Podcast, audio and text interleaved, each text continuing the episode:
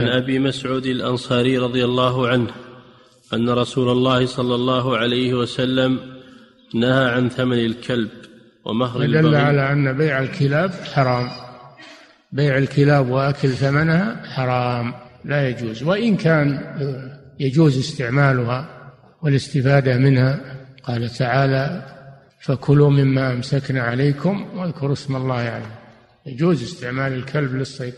إذا كان معلما وما علمتم من الجوارح مكلبين تعلمونهن مما علمكم الله فكلوا مما أمسكنا عليكم واذكروا اسم الله عليه. يجوز استعماله لكن ما يجوز بيعه. يجوز استعماله للحراسة لكن لا يجوز بيعه. نعم. أحسن الله عليك أن رسول الله صلى الله عليه وسلم نهى عن ثمن الكلب. هذا واحد. ومهر البغي. مهر البغي وهي الزانية والعياذ بالله. مهر البغي التي تأخذ على زناها. الزنا حرام فاحشة. ولا تقربوا الزنا إنه كان فاحشة. وساء سبيلا وقرنه الله مع الشرك وقتل النفس. والذين لا يدعون مع الله إلها آخر. ولا يقتلون النفس التي حرم الله إلا بالحق. النفس التي حرم الله هي المؤمن أو المعاهد هي المؤمن أو الكافر المعاهد. حرم الله قتله مثل ما حرم قتل المؤمن. ولا يقتلون النفس التي حرم الله إلا بالحق ولا يزنون. قرن الزنا مع هاتين الجريمتين فدل على شناعة الزنا. ولذلك رتب الله عليه حدا رادعا فالزاني إن كان بكرا يجلد مائه جلدة ويغرب عن بلده يغرب عن بلده إلى بلد آخر. وإن كان ثيبا فإنه يرجم بالحجارة حتى يموت يرجم بالحجارة حتى يموت.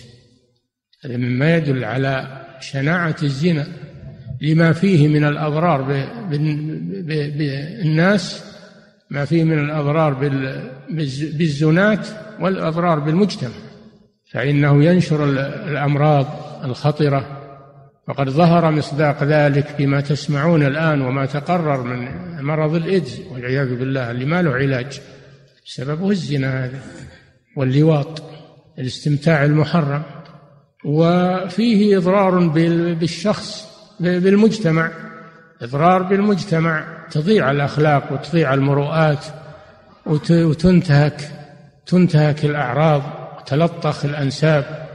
وكذلك يظهر أولاد ما لهم آباء مساكين. تشوفون الآن اللقط اللقطاء ماذا يعانون في المجتمع من من الهوان؟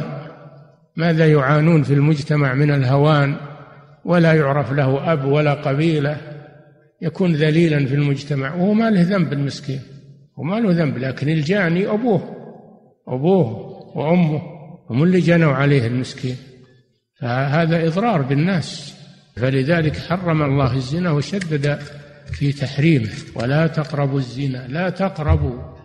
ما قال لا تزنوا بل بل أشد من ذلك. قال لا تقربوا تجنبوا الوسائل التي تفضي إلى الزنا.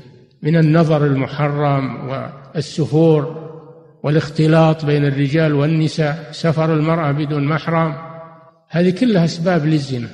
نهى الله عنها لأنها تقرب إلى الزنا ولا تقربوا الزنا.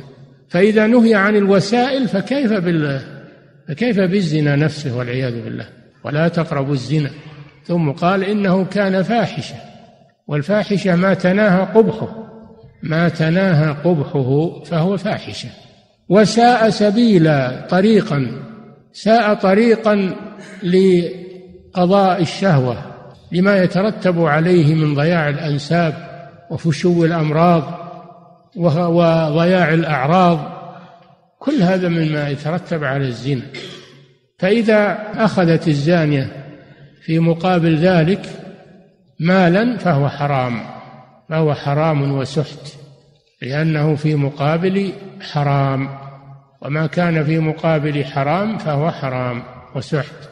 فما تكسبه الزواني من الزنا هذا سحت مع الأسف يقولون بعض المجتمعات أنه تجعل الزنا مورد من موارد الدولة.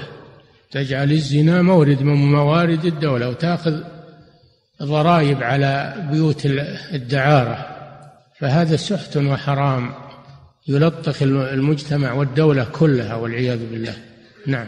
وعن نعم. عن أبي مسعود الأنصاري. وحلوان الكاهن. حلوان الكاهن هو الذي يدعي علم الغيب. يقول للناس أنتم بيحصل لكم كذا أنت بيحصل لك حظ أو بيحصل عليك ضرر يخبر الإنسان عن مستقبله وما يحصل له. لأنه إما أنه يتخرص ويدعي علم الغيب ولا يعلم الغيب إلا الله وإما أنه يستخدم الشياطين والجن فيخضع لهم ويعطيهم ما يريدون من دينه يسجد لهم أو يذبح لهم أو يدعوهم ويستغيث بهم فيشرك ثم يخدمونهم. إذا أفسدوا دينه خدموه. ربنا استمتع بعضنا ببعض.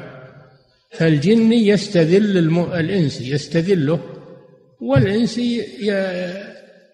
يستخدم الجن في حوائجه. هذا حرام. والكاهن يجب أنه يردع يمنع من الكهانة ادعاء علم الغيب هذا من نواقض الإسلام كما أخذت من ادعى علم الغيب فإنه مرتد عن دين الإسلام. لأنه يدعي أنه يشارك الله عز وجل. قل لا يعلم من في السماوات والأرض الغيب إلا الله. ولأن الكاهن يفسد في المجتمع. يامر اللي يجونه بأن يذبحوا لغير الله أو ينذروا لغير الله علشان يحصلون على مقصودهم. فيشركون أو أنه يلقي عليهم الذل والخوف. يقول أبي يجيك بلاء ويبي يجيك عقوبات ويبي يجيك فيصير الإنسان خائفا مهددا مهددا والعياذ بالله. أو يكذب عليه يقول بيجيك خير وبيجيك مال وهو يكذب عليه لأنه ما يعلم الغيب. فالكاهن هذا يفسد في الأرض. لذلك يستتاب فإن تاب وإلا قتل لأجل جرمه وادعائه علم الغيب ولأجل كف شره عن المجتمع. فإذا كان يأخذ مالا في مقابل الكهانة فهذا المال حرام سحت. حرام وسحت. لا يجوز أكله ولا استعماله ولا الانتفاع به لأنه حرام. وكان لأبي بكر الصديق رضي الله عنه كان له غلام يعني مملوك وكان قد تخارج معه يعني يعني اصطلح على أنه ياتيه كل يوم بشيء من الكسب والباقي كله مخارجة. فكان يعمل هذا الك... هذا الغلام فجاءه مرة بطعام فأكل منه الصديق رضي الله عنه. فقال له الغلام أتدري ما هذا؟ قال لا. قال هذا أجرة كهانة. تكهنت في الجاهلية لناس وأعطوني هذه الأجرة الآن وأتيت بها إليك.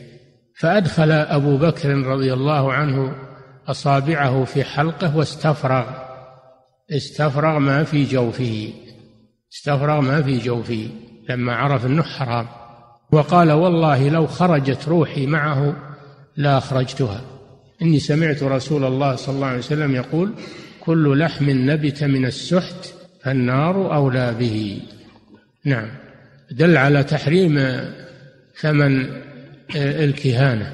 والكهان كثروا الآن يدعي اللي يقرأ الكف واللي يقرأ في الفنجان واللي يعني طرق واللي يخطط في الأرض واللي طرق خبيثة كلها. كلها تجتمع في ادعاء علم الغيب الذي لا يعلمه إلا الله وإفساد المجتمع وإفساد عقائدهم وأخذ أموالهم. وتهديدهم بالمخوفات. نعم. فالكاهن مفسد في الأرض. نعم. وكسبه حرام وسحت. نعم. عن رافع بن خديج رضي الله عنه أن رسول الله لكن يمكن تسأل تقول الباب باب ما نهي عنه من البيوع. واللي معنا الآن ثمن الكلب هذا صحيح. بيع الكلب لا يجوز لكن مهر البغي هو بيع. نقول أجرة هذا أجرة. والأجرة نوع من البيع. حلوان الكاهن أجرة والأجرة نوع من البيع. فهذا وجه إدخال المصنف هذا الحديث في باب ما نهي عنه من البيوع. نعم.